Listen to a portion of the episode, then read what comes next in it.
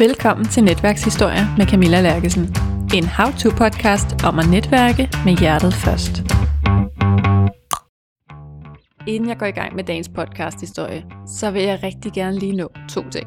Jeg vil for det første rigtig gerne lige nå at sige tusind, tusind tak til alle jer, der har været så sindssygt søde og skrive beskeder til mig, når I har lyttet til et afsnit. Jeg har virkelig fået mange fine beskeder, som gør mig rigtig, rigtig glad. Og det er jo et af de netværksråd, jeg rigtig godt kan lide at give. Det er, anerkend nu folk, der gør noget, du synes er godt. Både for andres skyld, fordi det gør os så glade, når vi får at vide, at det vi laver, det er godt. Du kender det jo helt sikkert også selv, når nogen siger, at du er dygtig til noget, eller at dit arbejde giver mening. Men også for din egen skyld, faktisk.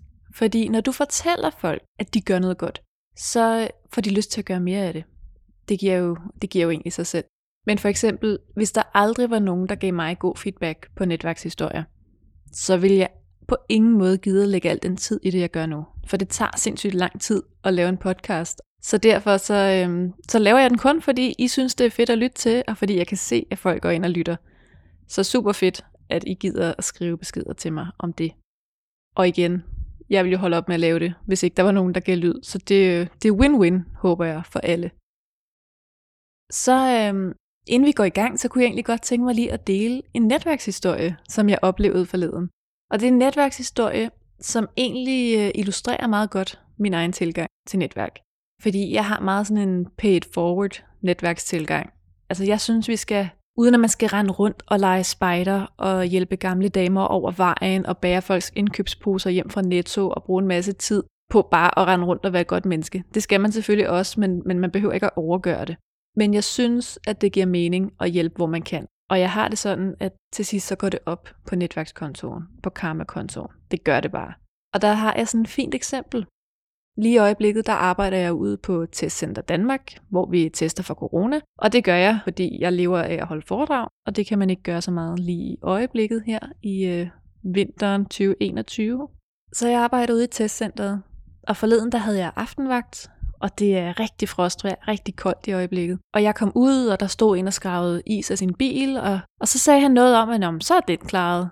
Og jeg øh, grinede på den der lidt akavede måde, man gør, når man ikke helt forstår, hvad der foregår. Og sagde sådan, nå, fedt, godt for dig. Og da jeg så satte mig ind i min bil, kunne jeg se, det var min bil, der var klaret. Han havde simpelthen skrabet is af alle ruder. Og så kiggede jeg rundt og kunne se, at han har simpelthen skrabet is af alle bilerne på personaleparkeringspladsen bare fordi han lige blev færdig lidt før os andre med at skifte tøj. Det synes jeg jo er god netværksstil. Og hvis du sidder derude og tænker, ej, men er det ikke lidt over i det der, hvor man bare er en spider, der render rundt og følger gamle damer over vejen og hjælper sådan helt ekstremt, hvor man kan, uden at få noget til gengæld. Der vil jeg så sige, vi arbejder jo på nogle meget skæve arbejdstider, og med en arbejdsplan, hvor man kan lave vagtbytte. Og hvis han nogensinde får brug for at, øh, at komme af med en vagt, eller bytte en vagt, eller få morgen i stedet for aften, eller whatever han kunne få brug for med vagtbytte, så er jeg jo den første til at sige ja. Og jeg kan godt huske, hvem det var, der stod og skravede is af bilerne. Og så kan jeg jo også godt huske alle dem, der ikke har givet hjælp, når jeg har spurgt. Så på den måde, uden at man skal gå og holde regnskab hele tiden, så, så gør vi jo indtryk hos hinanden. Og vi kan gøre gode indtryk, og vi kan gøre dårlige indtryk, og vi kan i virkeligheden også hvis vi forholder os meget, meget diskret, slet ikke gør noget indtryk overhovedet. Så det var lige en lille netværkshistorie at starte afsnittet på. Og nu skal du høre om et netværk, som har gjort stort indtryk på Per Andreasen, som er den næste gæst i netværkshistorier. Det har faktisk gjort så stort indtryk på ham, at det har påvirket hele hans karriere. Så jeg glæder mig til at fortælle historien om Per Andreasen, der er copywriter, og hvordan det amerikanske copywriter-netværk gjorde en kæmpe forskel for hans karrierevalg. Og så vil jeg gerne byde velkommen til dig, Per Andreasen. Du er tekstforfatter og skal fortælle en historie om et community, som har hjulpet dig på vej.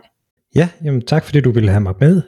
Inden vi går alt for langt ind i det, så tænker jeg næsten, du skal have lov til lige at præsentere dig selv.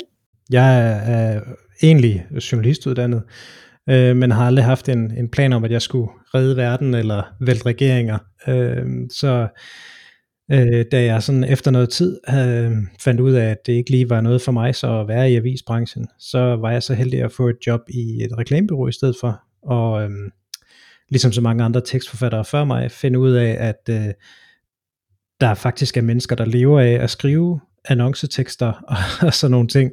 Øh, det eneste minus ved det job, det var, at jeg var den eneste. Øhm, så, så jeg havde faglig sparring fra altså kolleger, som var vant til at arbejde sammen med tekstforfattere, men der var ikke det der input, som kunne gøre mig bedre, øh, hvor jeg kunne lære nogle andre, som lavede det samme som mig selv. Øhm, og det er sådan det, der har ført til, at, at jeg fandt et, et rigtig stærkt fællesskab øhm, og blev dygtigere. Ja. Hvor var det, du fandt det fællesskab? Var det noget, du var ude og lede efter? Ja, det må jeg næsten have gjort. Jeg ved ikke, altså jeg, jeg ved, jeg har opsøgt andre danske tekstforfattere tilbage i 2016 og 17 og sådan noget. Øh, jeg var lidt for skræmt øh, til sådan at, at kontakte nogen, der arbejdede på andre reklamebyråer, fordi hvad nu hvis de var for smarte til mig, ikke? Øh, og så er det altid nemmere bare at gemme sig bag skærmen, så jeg har sådan altså kontaktet en del sådan på LinkedIn og sådan noget til at starte med, og så kan jeg faktisk ikke huske, hvordan jeg er kommet omkring det, men, men på et eller andet tidspunkt i 2017 øh, opdager jeg så øh, The Copywriter Club, som er et øh, community, der dengang havde 7.000 medlemmer i hele verden, øh, og nu har over 12.000. Og hvordan foregår det, The Copywriter Club? Jamen, The Copywriter Club er noget så usekset, eller var det i hvert fald dengang, som en, en Facebook-gruppe, som er gratis at komme ind i. Øhm, og, og, og oven på det har de så de her erfarne øh, copywriter, som står bag, øh, bygget øh, kurser og betalte communities og live events og ja, øh, mastermind og sådan nogle ting, og det, det tiltrak mig rigtig meget, fordi jeg havde jo brug for at lære øh, mange ting, og øh, det var fedt at se, at der var andre, både på mit niveau og meget højere, og også under, som, øh, som kunne samles der og finde et fællesskab på tværs af landegrænser. Mm. Hvordan deltog du herinde? Jamen, til at starte med, så var det jo bare noget med at øh, altså, stille spørgsmål og øh, dele begejstringen over finurlige historier om kunder og øh, sådan generelle oplevelser, både i byråer og som selvstændige og sådan nogle ting. Øh, og øh, komme med input til, til nogen, der havde, havde spørgsmål til det ene og det andet, øh, eller havde en eller anden konkret tekst, de havde brug for feedback på.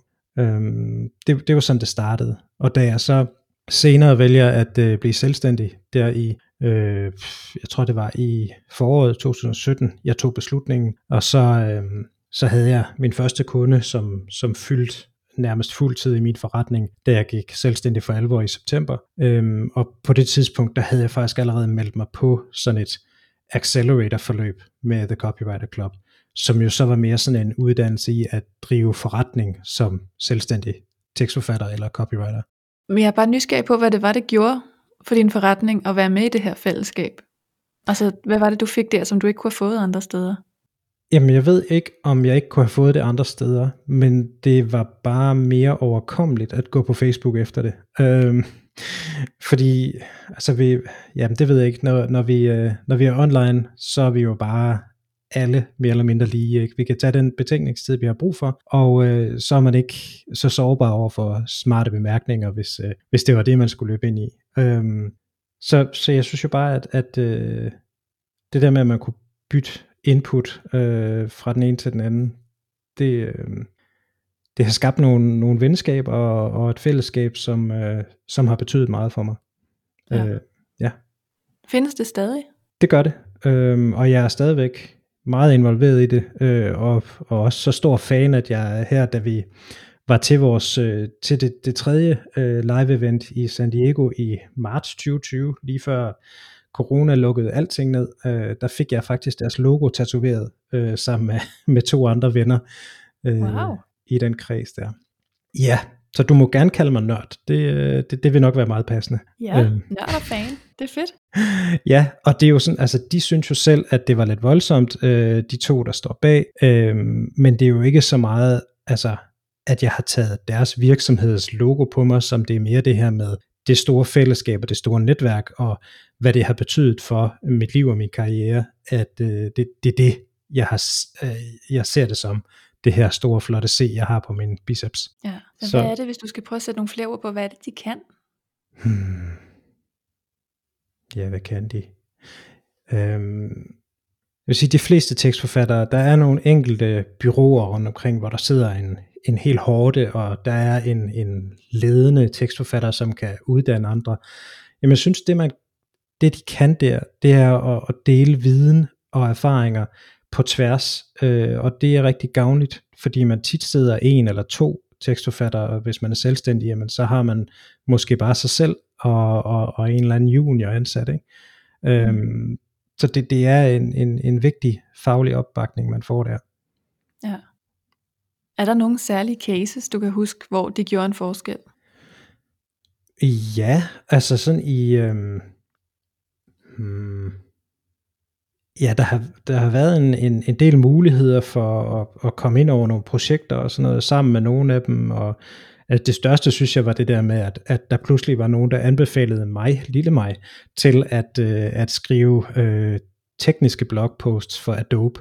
Øhm, det var jeg egentlig noget overrasket over, at det var sådan en, en mulighed, der bare kunne lande øh, hos mig, øh, fordi jeg havde øh, venner efterhånden, ikke? Øh, og fordelt over hele verden, øh, og nogle af dem jo åbenbart havde lagt mærke til, hvordan jeg kunne skrive. Ja.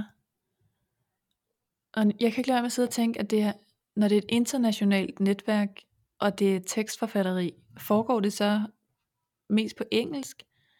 Har dine kunder været engelsktalende, så du har kunne få sparring på tekster, eller har du skulle oversætte for at få input? Øh, det sidste. Det, er, mm. altså, det foregår i høj grad på engelsk. Jeg synes efterhånden, jeg ser flere danskere derinde, og øh, andre europæere og sådan nogle ting, og altså, der kan man måske sådan have en bedre kulturel, kulturel forståelse for hinanden, Øh, men det er klart, øh, i, i de her øh, seneste tre år, jamen, der har jeg skulle oversætte ting, hvis jeg skulle have øh, feedback på noget, jeg har skrevet. Øhm, og det har jeg også gerne gjort nogle gange, fordi det har været så meget værd. Men, men det, vil sige, det er også en af grundene til, at, at jeg ville starte noget selv, som, som minder om det, men som er på danske vilkår. Prøv lige at fortælle lidt om det. Hvad er det, der skal ske? Jamen, altså jeg tror, øh, måske har jeg i virkeligheden haft lyst til det lige siden øh, dengang, hvor jeg begyndte at opsøge andre danske tekstforfattere. Øh, men der har ligesom ikke været øh, gnisten og, og den der, det der drive, som jeg har nu, øh, hvor jeg jo, jeg tror snart, jeg runder 90 øh, danske tekstforfattere i mit eget øh, tekstforfatter øh, community. Tekstforfatterhulen har jeg kaldt den, men man behøver altså ikke at spise en orm for at være med. øh, hvor, hvor jeg gerne vil sådan ligesom gøre det samme, som de har gjort i øh, den, den amerikanske version, men altså måske med lidt mindre øh, tanke på at gøre det til en forretning i sig selv, og lidt mere det der med at sørge for, at vi kan lave nogle ting, øh, som giver mening i en dansk kontekst. Ja. Hvem er målgruppen? Hvem vil du gerne have med? Jamen, øh, alle kommercielle tekstforfattere vil jeg rigtig gerne have med, for jeg er sikker på, at vi alle sammen har noget at byde ind med. Der er, øh, der er en del sådan aspirerende tekstforfattere derinde, der er nogle øh, gavede nogen, der er nogen, der sidder på byråer, og der er nogen, der er selvstændige. Og jeg synes, det er fedt med det der mix, fordi vi, vi har alle sammen noget at give hinanden. Øhm, det kan godt være, at øh, nybegynderne ikke har så meget begreb om tingene, og at øh, øh, der er nogen, der har udfordringer med korrekturlæsning, og at der er nogen, der kun vil fokusere på øh, det, jeg i citationstegn vil kalde det kreative, der hvor man bare leger med ord, og så er der sådan nogen som mig, som altså virkelig, virkelig gerne vil se resultater, og øh, går meget op i den psykologiske del af det, altså at få flyttet folk med sine tekster. Øh, jeg, jeg er sikker på, at vi har noget at give hinanden, og, og det vil også være et godt sted, øh, hvis man for eksempel har en korrektur øh, service, man sælger, og man bare er øh, tekstforfatter på et lidt mere hyggeniveau, jamen så, så tror jeg også, det er et godt sted at være, for der vil være nogen, der, der ligesom har mulighed for at tjene mange flere penge på det, de er gode til, men måske ikke er så gode til øh, altså teknikaliteterne i sproget. Og der må jeg sige, der har jeg selv flyttet mig langt siden min dag som journalist, og fundet ud af, at der, der er faktisk noget, der er vigtigere, end bare det med et pænt sprog. Mm. Det lyder også som et fedt community. Det vil jeg i hvert fald gerne have, det er, øh, og jeg lægger meget op til, at, at man promoverer sig selv øh, sådan en fast dag om ugen, og at vi deler ting fra postkassen, og det er også sådan i overført forstand, det kan jo også være fra e-mail-indbakken, eller øh, hvor vi nu ser det fra gadebilledet. Der er så mange ting, man kan undre sig over, øh, og det er altid fedt at høre, at øh, selvom jeg øh, synes et eller andet er helt tåbeligt, så har jeg jo ikke nødvendigvis øh, altid ret. Det, det, det er jo også lidt, lidt svært at indrømme, ikke? Men altså, så det kræver nok lidt, øh, det kræver noget tålmodighed også, at man har lyst til at lære for at være med. Øhm, for man, man, man skal være klar på at blive udfordret. Øhm, men men det, altså det, det er noget, jeg selv sætter pris på i hvert fald, rigtig meget. Ja. Er der forskel på den der type, altså hvordan du bruger dit netværk? Det her, det er jo sådan meget specialiseret netværk, så er der nogen, der bruger LinkedIn, som jo bare er helt bredt. Bruger du også LinkedIn til sparring, ja, eller er du mere til den anden type her? Øhm, jeg bruger LinkedIn til at altså, blive faglige venner med spændende mennesker. Øhm, jeg kan rigtig godt lide, jeg har haft en periode, hvor jeg har tilføjet alle, som hed et eller andet, eller som havde en titel med tekstforfatter, fordi det synes jeg var voldsomt interessant, og selvom jeg jo nogle gange har, har måttet insistere på at kalde mig selv for copywriter, for at folk ikke skulle tro, at jeg også skrev revytekster eller et eller andet, så synes jeg ikke, der er særlig mange tekstforfattere i den dur ind på LinkedIn. Øhm, så jeg har, jeg har selvfølgelig brugt det lidt til også at gøre folk opmærksom på tekstforfatterhulen, men jeg synes også, det er fedt at øh, generelt altså sidde og, og følge med i, hvad, hvad, hvad folk i mit netværk de laver, øhm, for det er jo ikke så meget, de deler det inde mm. i, i min Facebook-gruppe. Øhm, det var jo øvrigt også sådan, jeg blev opmærksom på din udmærkede podcast, fordi jeg så ja. en deling af den derinde. Nå, sjov. Jeg har aldrig selv rigtig kommet i gang med de der internationale netværk, selvom jeg ved, at de findes, og at der sikkert er noget at hente der. Er der nogle fordele og ulemper ved at være med i de der internationale frem for lokale netværk? Ja, altså umiddelbart så den største ulempe, det er det der med, at du ikke sådan en til en kan sammenligne forholdene. Altså, i, for eksempel så synes jeg, det er rigtig spændende at lære noget om, hvordan man sender øh, kolde e-mails ud for at lande nye kunder, men det må man ikke i Danmark. Og, og der kan være problemer med det inden for EU også. Øhm, og, og derfor så, øhm, altså så, så der er sådan nogle ting, du ikke kan oversætte til en, en dansk kontekst. Øh, og selvfølgelig er der også andre sådan kulturelle ting og sådan noget. Øh, amerikanerne bruger rigtig meget tid på at tale om, hvordan de kan bygge inklusive og øh, antiracistiske virksomheder for tiden, og, og det synes jeg som, som dan, dansker og lidt mere sådan globalt orienteret, øh, vil være spild at fokusere på en enkeltmandsvirksomhed, trods alt. Mm. Øh, jeg synes selvfølgelig ikke, at jeg skal udelukke folk på, på baggrund af, hvad de tisser med, eller hvor meget pigment de har i huden, øh, men, men jeg synes, det er sådan lidt overblown at, at tale meget om det øh, når, når man er en enkeltmands virksomhed. Ja. Øhm, men, men altså til gengæld, en af de kæmpe fordele, det er det der med, at du får noget input, som er fra, fra nogle af verdens bedste mennesker. Øh, bedst, ja, bedste mennesker måske ikke, men altså øh, nogle af verdens bedste inden for deres felt. Øh, hvis jeg tager til en dansk konference i marketing, jamen, så kan jeg tit blive skuffet, fordi jeg, jeg hører ting, som jo, jeg jo allerede har hørt. Øh, eller jeg hører ting, som altså er noget uddateret, eller bare ikke passer. Øhm, ikke for at sige, at, at det ikke er noget værd at tage til, til danske events eller netværke med danskere, men man når bare meget længere i dybden, hvis man, øh, hvis man hører en, øh, en eller anden masterclass med en, en af de her A-list copywriter, som, øh, som har, har hævet øh, millioner af dollars ind til sig selv i royalties alene, øh, så ved man, det virker, det de laver. Og, øh, og det at der er ikke så mange danske copywriter eller tekstforfattere på det niveau. Øhm, så det, det synes jeg er voldt spændende. Mm. Og jo, jeg tænker også, de må være foran på nogle trends. Og altså bare det at have det her community og sælge nogle masterclasses og mind, øh, hvad var det du kaldte det? Øh, masterminds. Masterminds, ja. Masterclasses og masterminds og, og kurser og sådan noget. Det er jo noget, der er vokset frem nu, herhjemme, men jeg ved ikke, hvor meget der var af det i 17. Altså at lave den form for communities. Nej, det var meget det samme, ikke? Altså, jeg, jeg er jo, og det er ikke fordi, jeg skal være smart, det prøver jeg at lade være med, øh, men, men altså, Zoom og videomøder generelt er jo ikke noget nyt for mig, og det er det selvfølgelig ikke for, for mange på min alder og yngre, men altså, jeg er jo lidt overrasket over egentlig, hvor, hvor meget på styr der var omkring det, at, at holde videomøder øh, herhjemme, da vi alle sammen blev tvunget til det, fordi jeg havde været i gang i tre år, øh, og, og for mig var det bare en naturlig ting, men, men jeg kan godt mærke nu efterhånden, at jeg savner det der med at komme ud øh, og se mennesker ud i virkeligheden. Øhm, ja. Og så altså, selvfølgelig lige inden for, for tekstforfatning, og især inden for psykologi, jamen, der, det er også en af de der ting med, det, det er tit noget, man sælger sin, sin øh, hvad hedder det, hvis du laver et webinar eller et eller andet, så kan det sagtens være, at du sælger det på øh, trends inden for marketing i 2021 eller sådan noget, men det er bare meget sjældent, at der egentlig er noget, der er relevant i forhold til trends, fordi hvis det, hvis det, altså hvis det handler om psykologi og det der med at flytte mennesker, jamen så er der altså ikke sket noget fra det ene år til det andet i, i den måde øh, menneskernes hjerner er strukket sammen på, og det er der jo ikke heller i løbet af de seneste årtier eller århundreder.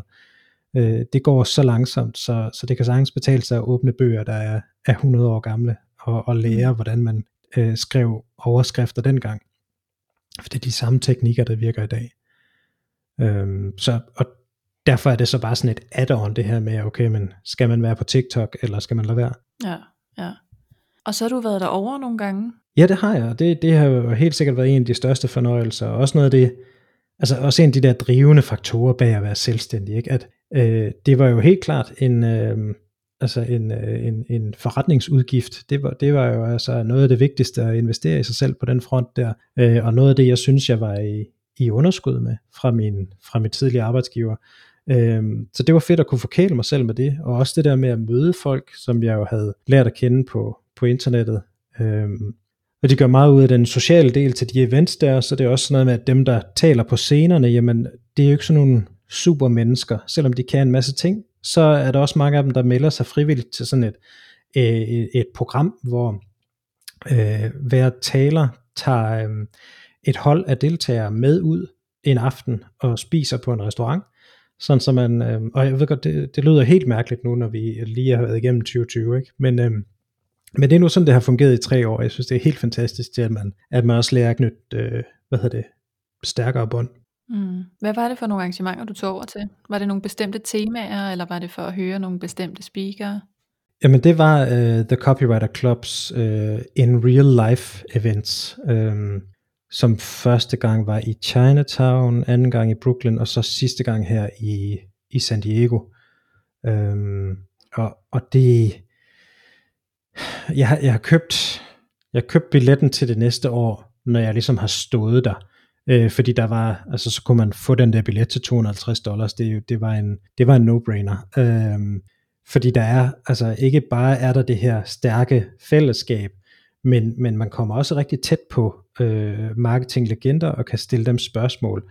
Og så, øh, nogle af dem siger jo, kan jeg jo godt se fra mine noter og deres bøger, det samme år efter år men det er jo også dels fordi det virker, øh, og dels fordi det ikke gør noget, at vi hører tingene flere gange, så risikerer vi bare, at vi forstår det, at det sidder fast. Mm.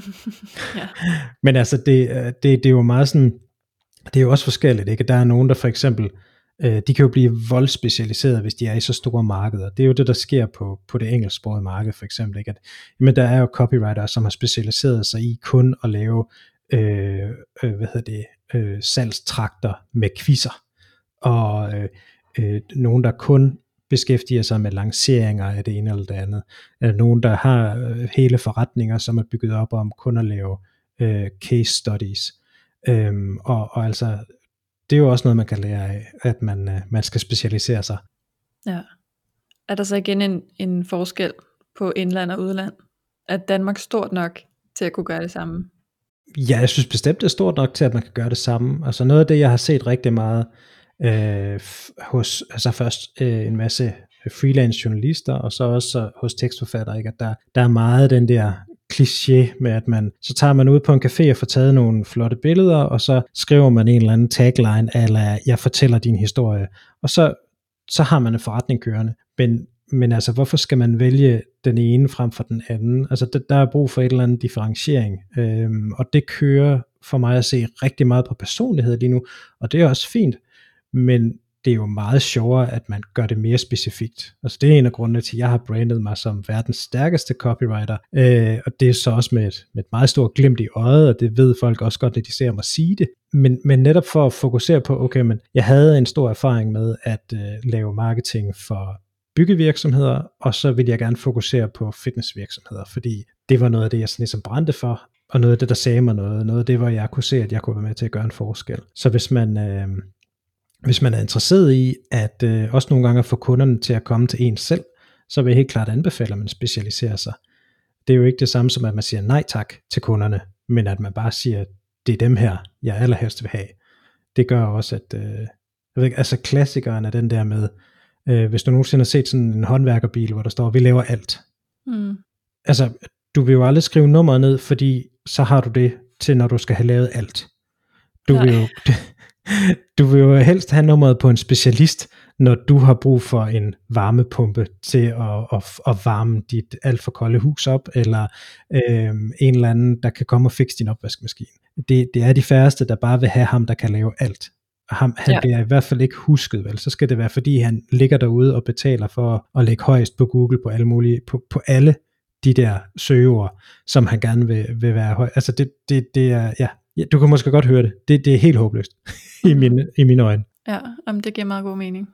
Så altså, øh, jeg, jeg har i hvert fald set en fin effekt af det. at Der er nogle af de her copywriter, som er, altså, sådan nogle, som er stoppet med at være copywriter, men nu er coaches og driver kursusvirksomhed for andre og sådan noget på, altså over i, i det store USA. Øh, jamen, de ved godt, hvem der er verdens stærkeste copywriter, og det synes jeg, der er skide sjovt. Altså, når de ser mig til en konference, jamen, så kan de godt, så siger de hej, fordi de ved godt, hvem jeg er. Og det er jo ikke fordi, jeg har øh, hævet millioner af dollars hjem i royalties, det er bare fordi, jeg har lavet et brand, som man husker. Og det synes jeg bestemt, at alle kan lære af. Ja, jamen det synes jeg helt sikkert også. Og det, jeg tænker det samme, også når jeg taler med en jobsøgende for eksempel, og jeg spørger dem, hvad leder du efter? Og de siger, oh, jamen noget inden for kommunikation. Nå, så må du selv ligge og google. Det, der kommer ikke lige noget op i mine tanker med noget med kommunikation. Fordi der er så mange stillinger, og jeg falder over så mange annoncer, at jeg ved jo ikke lige, hvilket der er et match. Men hvis der nu kom en og sagde, jeg vil gerne være chefredaktør for Femina. Okay, jamen så kan jeg godt huske, at jeg så et andet livsstilsmagasin, der manglede en et eller andet journalist, eller redaktør, eller whatever. Så, så er der pludselig noget at huske det på. Ja, lige præcis. Fordi du kan jo godt ind i dit hoved sige, nå jamen, så kunne det være, det var, altså det var noget andet. Det er nok ikke lige femina, man så ender med et eller andet, vel? Men det kan jo godt være, altså. Men det er i hvert fald nemmere at sige, nå okay, det er noget med redaktionsarbejde og ledelse og livsstilsmagasiner. Jamen så har jeg måske noget andet for dig. Ja, og det, altså jeg synes, altså man kan også godt være den der marketing kniv, hvis man vil, men så er man bare nødt til at stå ud på en eller anden måde. Altså, øh, så, så kan det være, det er sådan noget, okay, men det er mig, der er eksperten inden for det her jyske postnummer. Der, der, der er jeg den eneste, der kan lave grafisk design og øh, Facebook-annoncer og tekstforfatning. Og jeg, altså, men, men det er sådan lidt, altså hvem, hvem har brug for det? Jeg ved det ikke. Det, det er, så skal du i hvert fald også kunne lave noget godt SEO for dig selv. Lokal SEO, ikke? Hvis man kigger på jobannoncer, så skal du jo kunne både grafisk arbejde og copywriting og analytics og hele møllen. Ja, du skal også gerne have friske teoretiske input og 10 års erfaring, ikke? Altså, mm. men det, det er jo en ønskeseddel. Det, det skal man jo, øh, det skal man jo sådan ikke tage alt for nært. Jeg, jeg vil i hvert fald ikke, øh, jeg vil ikke reagere på en annonce, hvor man skulle alting. Nå, det vil du ikke. Nej, altså jo måske med et grin, men ikke, ikke sådan med en henvendelse. Okay. Men øh, jeg, jeg har jo faktisk øh, for nylig prøvet at øh, hjælpe en dansk øh, marketinguddannet med at øh, lande et job, øh, og det var også sådan lidt en netværkshistorie. Jeg ved ikke, om, om vi også har tid til at tale om den. Jo, lad os tage den. Ja, øh, altså jeg kan jo rigtig godt lide det der med at sætte folk i forbindelse med hinanden, øh, og det har jeg, det har jeg gjort med, med kunder og, og, og med Altså øh, en af mine tidligere kolleger, som er Facebook øh, annoncespecialist, jamen jeg har, jeg har fået forbud mod at sælge hende til flere, fordi hun, hun har ikke mere tid at give af. Øh, og det er jo en forfærdelig situation. Øh, men, men sådan kan det gå nogle gange. Øh, og og øh, da, da der så var en i mit netværk, som søgte en marketingrådgiver, så tænkte jeg, okay, det er fint, så kigger jeg jo lige mit netværk igennem, og, og finder en, der kan passe til det. Og, og det gik vist fint, og de var ved at have en aftale, men så, så, så blev det ikke til noget alligevel. Øhm, og så, ja, så fik jeg jo lidt hug for, at jeg, ikke, jeg i hvert fald ikke kunne bruges til rekrutteringsopgaver. Øhm, og, og det var faktisk ikke, fordi jeg fik dårlig samvittighed, men jeg endte med selv at tage det øh, som et deltidsjob, fordi jeg synes, det nu havde jeg lige pludselig øh, fået så meget videre om det. Jeg synes, det var alt for spændende til at sige nej. Nej, det er også sjovt. Ja, det synes jeg. Øh, og, og giver også noget stabilitet. Altså, øh, der er jo jeg synes, man, man, man kan meget hurtigt, og det, det er noget, jeg er opmærksom på i hvert fald, ikke at gøre det her med at, at være sådan en bro-marketer, som fortæller om, hvor fantastisk mange millioner jeg skovler ind og sådan noget. Der, er, der, der har i hvert fald hele tiden været stille perioder i min virksomhed, øh, især der januar og omkring øh, sommeren, og det, det, det har været voldsomt frustrerende. Øhm, mm. og, og det er klart, at jamen, når jeg så har et, et deltidsarbejde, så giver det en helt anden stabilitet, og det gør også, at det bliver nemmere for mig at sige, øhm, kundeopgaverne i min egen virksomhed, jamen, de bliver jo placeret så ind på nogle af de andre dage, jeg har til overs i løbet af ugen. Så det, jeg, jeg, jeg synes, det er givende, men, øh, men jeg er lidt overrasket egentlig over, over den historie endt sådan, fordi jeg troede faktisk, at jeg var uansættelig og, og skulle leve som, øhm, som, som selvstændig øh, resten af mit liv. Men nu må vi se. Jeg, øh, jeg, jeg synes jo også, at det er, det er også en del af frihederne ved at, øh, at være selvstændig, at man, man kan jo godt gå ind i et job, og, og hvis det så øh, ender med at blive dårligt, jamen, så har jeg jo prøvet det der med at drive en virksomhed, og, og jeg vil aldrig have svært ved at gå ud og sætte gang i det igen. Men jeg holder også så meget af det, at jeg kommer ikke til at skrue ned til nul for min egen virksomhed. Nej, men jeg er meget optaget i øjeblikket af det der med at være sådan en hybrid fordi jeg mistede jo rigtig meget arbejde også under corona, og øh, har taget fast arbejde. Det er midlertidigt, fordi jeg er hen med vatpinden ude i testcentret. Men det giver den der stabilitet og ro til, at jeg faktisk har noget kreativt overskud, når jeg så arbejder. Og det er da blevet sådan meget betaget af. Det kunne jeg godt forestille mig, at det kunne være fremtiden for mig, at have et fast deltidsjob, men mit eget ved siden af. Skulle det så også være i sundhedssektoren, tænker du? Nej, det skulle det ikke nødvendigvis. Men det må faktisk godt være noget lidt hovedløst. Altså jeg nyder jo, det er jo det mest rutinepræget arbejde, jeg nogensinde har haft. Det er jo det samme, jeg laver 8 timer om dagen. Ja. Og jeg elsker det. Nå, vildt nok. Er, er det fordi du, altså, er der, er der en eller anden masochistisk fryd i det der med at få folk til at få, få opkastfornemmelser? Altså det er der selvfølgelig også lidt af. Nej. Nej, men, men det er så nemt. Så når jeg kommer hjem fra arbejde, så er jeg ikke brugt så kan jeg godt sidde her og lave podcast og producere og redigere og skrive, og jeg har lyst til det. Hvis jeg skulle mestre et eller andet øh, af de jobs, som jeg har lyst til at have, hvis jeg skulle have et eller andet øh, kommunikationsjob, så vil jeg smide så meget energi i det, fordi jeg er så perfektionistisk, og det skal være ordentligt, og jeg vil tage det med hjem og bruge alt for mange timer på det. Her, der har jeg bare fri, når jeg er fri. Det synes jeg er en altiders pointe. Øhm, det, det har jeg jeg har selv nyt, når jeg har haft sådan nogle jobs der. Øhm, jeg kan så rigtig godt lide, at der er et overlap mellem øh, det at være marketingrådgiver og at være copywriter. Øhm, altså det, det er helt åbenlyst, fordi jeg har lavet mange af de samme ting, øh, bare uden at kalde mig selv for marketingrådgiver i min egen forretning. Øhm, men, men det er bestemt heller ikke sådan, at man skal tale det ned, det der med at have et, et, et job, som er noget helt andet. Altså jeg, jeg kan jo også godt se nu, når jeg, når jeg så sidder i den funktion som, som marketingrådgiver, eller hvis jeg får en eller anden kunde ind, som har en eller anden bestemt udfordring, jamen så er det tit, fordi jeg har haft så mange skodjobs øh, i, i mit liv, øh, at jeg kan, jeg kan trække på en eller anden erfaring fra en produktionsvirksomhed, eller fra noget akkordlønnet et eller andet møje, eller øh, at have passet øh, nogle stakkels demente mennesker i, i plejesektoren og sådan nogle ting. Altså, jeg har været langt omkring, og, og det skal man ikke, øh, altså man skal måske lige have det på afstand med et år eller to, før det giver mening, hvorfor man mm. gjorde det. Øhm, ja. ja, det er rigtigt. Men jeg kan også godt se fidusen i, at al den tid, du så bruger på at være marketingkoordinator, der dygtiggør du dig jo også inden for dit eget felt. Det gør jeg jo ikke, når jeg står med vatpinden. Nej, der, der er ikke så meget overlap i det, øh, men til gengæld, ja. Altså, den eneste udfordring øh, med det der med at, at stå og teste folk, det vil jo så være, at, at du ikke, du kan heller ikke høre lydbøger imens, eller et eller andet, så der, der er ikke så meget, meget det der øh, dygtiggørende øh, aspekt i det. Øh, det var ellers sådan noget, jeg ville sætte pris på, ikke? At man, øh, hvis man skulle stå og lave et eller andet, samle vinduer eller sådan et eller andet, at så, så det er jo døde objekter, som man, man ikke behøver at høre et kvæk fra. Ja. Til gengæld får jeg jo trænet alt det, jeg har lært på min coachuddannelse.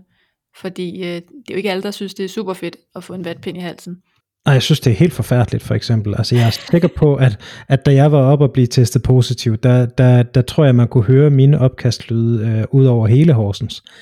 øh, så jeg, jeg håber aldrig, at jeg skal, altså jeg glæder mig til, at det bliver vaccinesæson for alvor, så, så håber jeg da aldrig, at jeg skal have sådan en test igen. Nej, Nej og der er jeg jo blevet rigtig god til at, at tale folk ind i en ro, hvor de kan slappe så meget af, at det ikke er så smertefuldt. Og det synes jeg jo er sjovt. Det er jo alle mine coaching skills, der kommer af værk der. Ja, og det er altså vildt nok.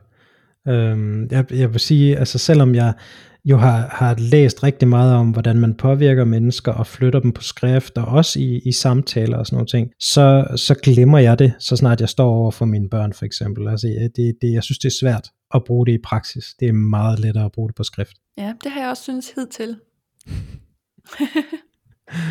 Hvad hedder det? Um, der, der var noget andet, jeg også gerne ville sige. Det var det der med, at, at når man er sådan en lille fisk, så skal man huske at passe på, hvis der kommer nogle netværk, som gerne vil have betaling for, at man er med. Oh ja, det lyder spændende. Prøv at sige lidt om det. Øh, jamen, jeg har været med i flere netværk, og, og jeg ved ikke, det er nok bedst at lade være med at nævne, men, men man kan bare øh, notere sig, hvis der er nogen, der faktisk skal have penge for, at man er med, øh, så vil jeg anbefale, at det er branchespecifikke. Bare det der med, at det er en lokal afdeling af et eller andet landsdækkende, hvor øh, der sidder en eller anden sælger fra netværket og skal Shanghai folk til at komme ind og betale for et årsabonnement og noget meget dyr morgenmad. Det, det har jeg dårlige erfaringer med, for så ender man bare med at sidde sammen. Altså det kan sagtens være, at man ender med at sidde sammen med nogle søde mennesker, men altså hvis det er en kreds af små selvstændige, så er det jo ikke tit, at man øh, kan bruge hinanden til sparring. Altså, øh, jeg har ikke meget til fælles med en, der driver et rengøringsselskab, og en, der er revisor og sådan nogle ting. Altså man kan selvfølgelig godt bruge hinanden øh, til et eller andet, men jeg synes ikke, at det styrker på samme måde som at opsøge mennesker, der, har, der laver det samme som en, eller som i det mindste er i den samme branche. Øhm, der hvor jeg har set det fungere, det er inden for en bestemt, altså hvis man tager til messer for eksempel, øh, det er jo noget andet, men det, der kommer man også ud af netværker, tit så er det jo gratis at komme ind, eller billigt i det mindste. Øh, og der findes også betalte netværk inden for byggebranchen for eksempel. Det har jeg også set fungere fint. Men øh, der er ikke nogen tvivl om for, for mig, at det der virker bedst, det er de der de gratis netværk og de fagligt funderede netværk, og også det her med at opbygge et personligt netværk på LinkedIn, som jeg ved, at flere af dine gæster også har været omkring. Mm. Nå, det er også et meget godt take at have med på det her netværk, fordi der er også rigtig mange betalingsnetværk derude. Ja, og, og, og det er jo ikke sikkert, at det har værdi for dig at betale 5.000 om året for at, at sidde og høre på en eller anden aloe vera sælger eller sådan noget, som, som i øvrigt gerne vil sælge dig en rigtig dyr startpakke. Altså, det, det er jo noget andet, du er ude efter formentlig, ikke? Øh, og, og, og for de fleste, så er det jo noget med også at, at hive en masse kunder hjem på den tid, man bruger på netværk. Ja. Jo, og som min øh, kloge revisor, Gitte Havgård, hun sagde i det afsnit, hun var med i, så er det jo også vigtigt at prioritere de der netværk, fordi selvom man kan trække det fra, så kan det hurtigt løbe op i udgifter, hvis man bare er med i de der netværk, for ikke at kunne glemme noget, men faktisk ikke rigtig få noget ud af det. Ja, der er også en anden, altså det er en god pointe, men, men noget andet af det, det er også, og det er en af farerne ved at være i sådan et netværk som The Copywriter Club, at der er så meget vidensdeling hele tiden, og så mange anbefalede bøger, at man let kan ende med bare at studere al sin tid væk. Så man skal også huske at, at så sætte det, øh, altså bruge det i praksis det vil jeg sige, det er en af de der faldgrupper, jeg har været udsat for, at, at der er, altså jeg kan ikke stoppe med at købe bøger, og det har været svært at stoppe med at, at købe kurser, øh, men på et eller andet tidspunkt, så må man også sige, nu, nu tager vi en pause, og så implementerer vi det, vi har købt. Ja, uh, den rammer hårdt, kan jeg mærke. jeg har så mange online kurser, jeg ikke har set, og så mange bøger, jeg ikke har læst, og så mange netværk, jeg ikke får brugt. Ja, det er... Rigtig meget dårlig samvittighed det tror jeg ikke, du skal have. Altså, der, en, sådan inden for copywriting, der arbejder vi meget med det her med, i hvert fald hvis, hvis du skal skrive en, en, en bestemt underside på en hjemmeside, jamen så er det øh, altså reglen om en, en læser, et mål, et tilbud, en garanti osv. Ikke? Øh, og det er der også mange, der bruger, når de skriver e-mails og sådan nogle ting. Man skal ikke forvirre, man skal sørge for, at man får et resultat. Og på samme måde, jamen så er det også en god idé, øh, som jeg konsekvent må, må minde mig selv om, øh, at, at læse en bog færdig ad gangen og implementere et kursuslæring, før man går videre til det næste. Mm. Tror du, man kan overføre reglen om en til netværk og networking? Altså det er ikke meget netværk, hvis man kun har en jo. Men, øh, måske ikke en kontakt. men øh, ja, det er et godt spørgsmål. Jeg tror, jeg sad og tænkte sådan ud i et mål, og en, et mål med en henvendelse. Altså man kan jo i hvert fald, ja, altså man kan jo godt gøre, ligesom, ligesom jeg gør for mange af mine kunder, jamen så siger man, okay, men i en periode, for eksempel på en måned, der har jeg et kernebudskab. Så kan det godt være, at jeg siger, øh, jeg skal selvfølgelig lave mere end, end en bid content, fordi der skal ske en masse ting, øhm, men, men det ender alt sammen nede i den samme, øh, det samme tilbud, eller den samme fortælling, eller den samme, øh, hvad det nu er, man skal have derud. Det, øh, det, det tror jeg godt, man ville kunne overføre til, til noget netværksrelateret, at man, øh, man sørger for ikke at, at forvirre sit netværk ved, og, og, og nu skal man, nu er vi ude i sådan en af de der med, man skal høre, hvad jeg tænker, og ikke hvad jeg gør. Mm. øhm, fordi det tror jeg da bestemt, jeg har været god til både at skrive opslag på engelsk og dansk, og øh, gå den ene retning og så den anden retning. Øhm, men det, det tror jeg bestemt, der vil være en værdi i, at man, man holder sig på sporet og er meget stringent på, øh, hvad det nu kunne være, man gerne vil. Og det har du jo gjort godt med, med netværkshistorie. Det er jo meget det, det handler om for dig. Ikke? Mm, ja. Har du nogensinde taget efteruddannelse som copywriter? Nej. Så du har faktisk uddannet dig via netværk? Ja, øhm, altså mit, øh, et af mine idoler, Brian Kurtz, han siger, at han er i gang med at tage en Ph.D. i marketing og forventer at være færdig om sådan en 20-30 år. Og det er lidt sådan den samme tilgang, jeg øh, læner imod, at jeg tror aldrig, jeg bliver færdig. Øh, mm. Jeg tror altid, der vil være noget nyt at lære, men man skal også være opmærksom på, at på et eller andet tidspunkt undervejs, så har man lært nok til, dels at man kan lave arbejdet, og dels at man kan lære fra sig. Øhm, så jeg, jeg har ikke taget nogen uddannelse øh, siden journalisthøjskolen, altså sådan en, man, man kan få et rigtigt diplom for. Mm. Øh, og, og jeg tror også, altså uden at det skal lyde sådan helt sølvpapirsagtigt, øh, eller sølvpapirshat-agtigt, så, så, så mener jeg også godt, at man kan uddanne sig selv ved at købe nogle, øh, nogle bøger og, og læse dem igennem, og sørge for, at man øh, forstår, hvad det er, man har læst.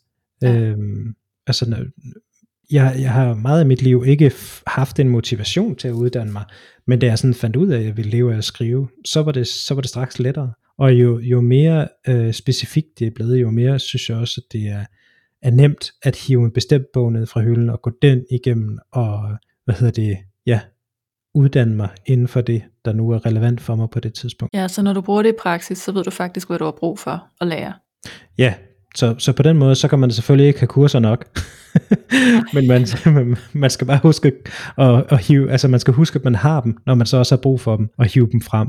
Så det er også en del af øvelsen, ikke? At, ja. øh, at sørge for at øh, holde styr på, hvad det er, man har liggende. Ja, Jamen, det synes jeg bare var meget fascinerende, at du egentlig er kommet ind og har fået din niche lidt gennem netværk. Ja, ja og det, det, øh, det kan du jo sagtens sige, fordi det er, ja, man lever ikke i et vakuum, øh, og, og det er der bestemt øh, meget af, af det, øh, jeg har opnået, og, og, og også mit brand jo som sådan er, er jo noget, der er kommet af inspiration fra noget andet. Jeg har brugt meget af mit liv på at parafrasere det ene og det andet, øh, og så er det meget nemt, når man ser, øh, hvordan andre har lavet deres, øh, altså den amer, amerikanske copywriter har lavet deres øh, brands, at, at tænke på, nå ja, men det er jo fint, øh, så kan man jo og så, så, så arbejder jeg videre med det, og det, det er jo egentlig noget, jeg tager for givet, og derfor tænker jeg, at det har nok ikke nogen særlig stor værdi som udgangspunkt, men det kan jeg jo godt se, at det har alligevel.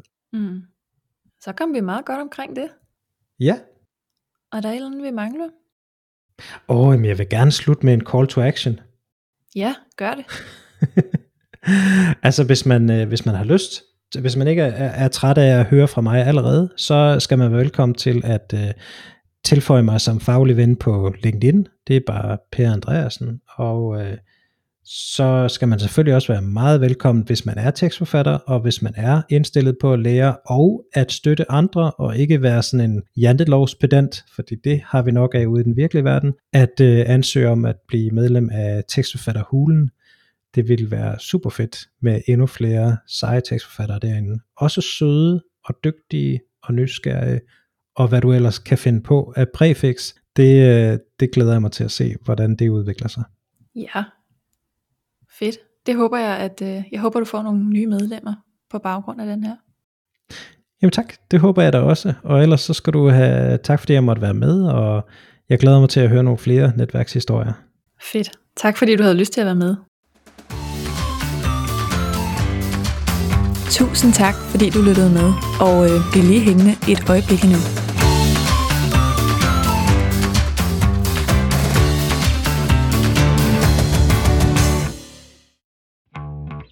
I næste afsnit af Netværkshistorier, der skal du møde Desiree Ballegaard. Hun er founder og CEO i sin virksomhed Buvert, og så er hun også kåret som Berlingske Talent 100. Og der er ingen mennesker, der er blevet til noget alene. Der har været nogen, der har skulle have haft tillid og, øh, og kunne se noget, øh, nogle ambitioner eller noget, noget drive eller et eller andet til at, at udrette, til at gøre eller noget, for at vi ligesom er stedet i graderne stille og roligt eller har udviklet os. Fordi hvis der ikke har været det, nogen der undervejs lige har lavet en håndsudrækning, jamen så er vi ikke kommet til der, hvor vi er kommet til. Sådan er verden bare. Vi hænger sammen på forbindelser, netværk osv. Så, videre. så det er ret vigtigt, at vi lærer at dyrke det. Som du kan høre, så er der fuld knald på Desiree, og du kan godt glæde dig til at møde hende. Hun har også nogle perspektiver på netværk, som jeg ikke rigtig synes, vi har haft repræsenteret i netværkshistorier endnu. Så vi lyttes ved i næste uge.